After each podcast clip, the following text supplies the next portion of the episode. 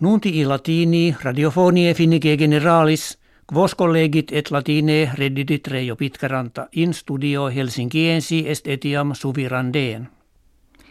His diebus in Europa due calamitates viarie gravissime intra breve tempus acciderunt.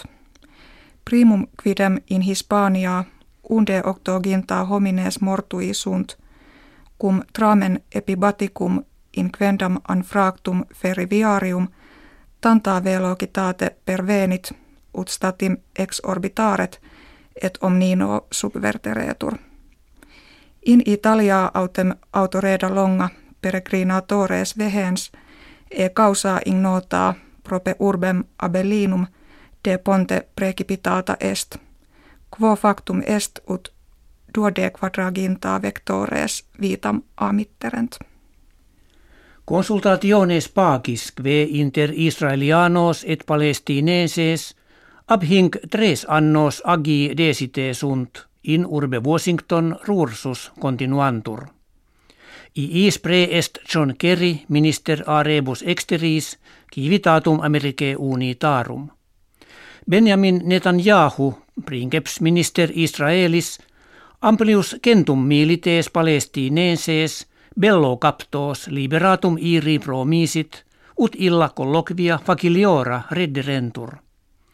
Sunt autem in utraque parte qui pagi in oriente proximo faciende vehementer adversentur. Ordonationum unitarum a regimine Syrie licentiam arma chemica in Syria inspiciendi accepit. Quanam autem via et ratione examinatores rerum periti mandatum suum executuri sint nondum constat. Banki muun secretarius ilius ordinis generalis a syris identidem flagitavit ne ulo modo impedirent quominus nationes unite in omnem armorum chemicorum usum in Syria inquirerent. Franciscus primus pontifex maximus in Argentina natus iter quinquedierum in Brasiliam suscepit ut fidem catholicam in terris Americae Latine confirmaret. Die Dominico sermonem valedictorium in metropoli flumine januario habuit, quo tres fere hominum ad eum audiendum convenerant. Ibi eodem tempore dies festi juvenum orbis terrarum celebrabantur. Dievi kesimo secundo mensis Julii, Catherine Dukissa Cantabrigiensis innosocomio londiniensi filium primigenitum peperit, qui tertius in ordine hereditario regni Britanniae est. Postea nuntiatum est principi regens nato nomen Georgium inditum iri. Neque multo post quam mater cum infante e clinica domum reverterat regina Elisabeth secunda ad filium nepotis sui videndum venit.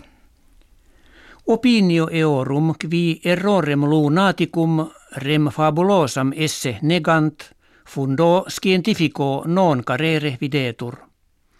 Investigatores enim universitatis basileensis experimentis factis animadverterunt luna plena fere fieri ut homines solito tardius somnum caperent et noctu previus dormirent. Quien sent lunam ad mentem nostram tum quoque vim habere, cum eam non videamus aut cum ignoremus quis modus eius sit. Hec habuimus kve vobis hodie referemus valete.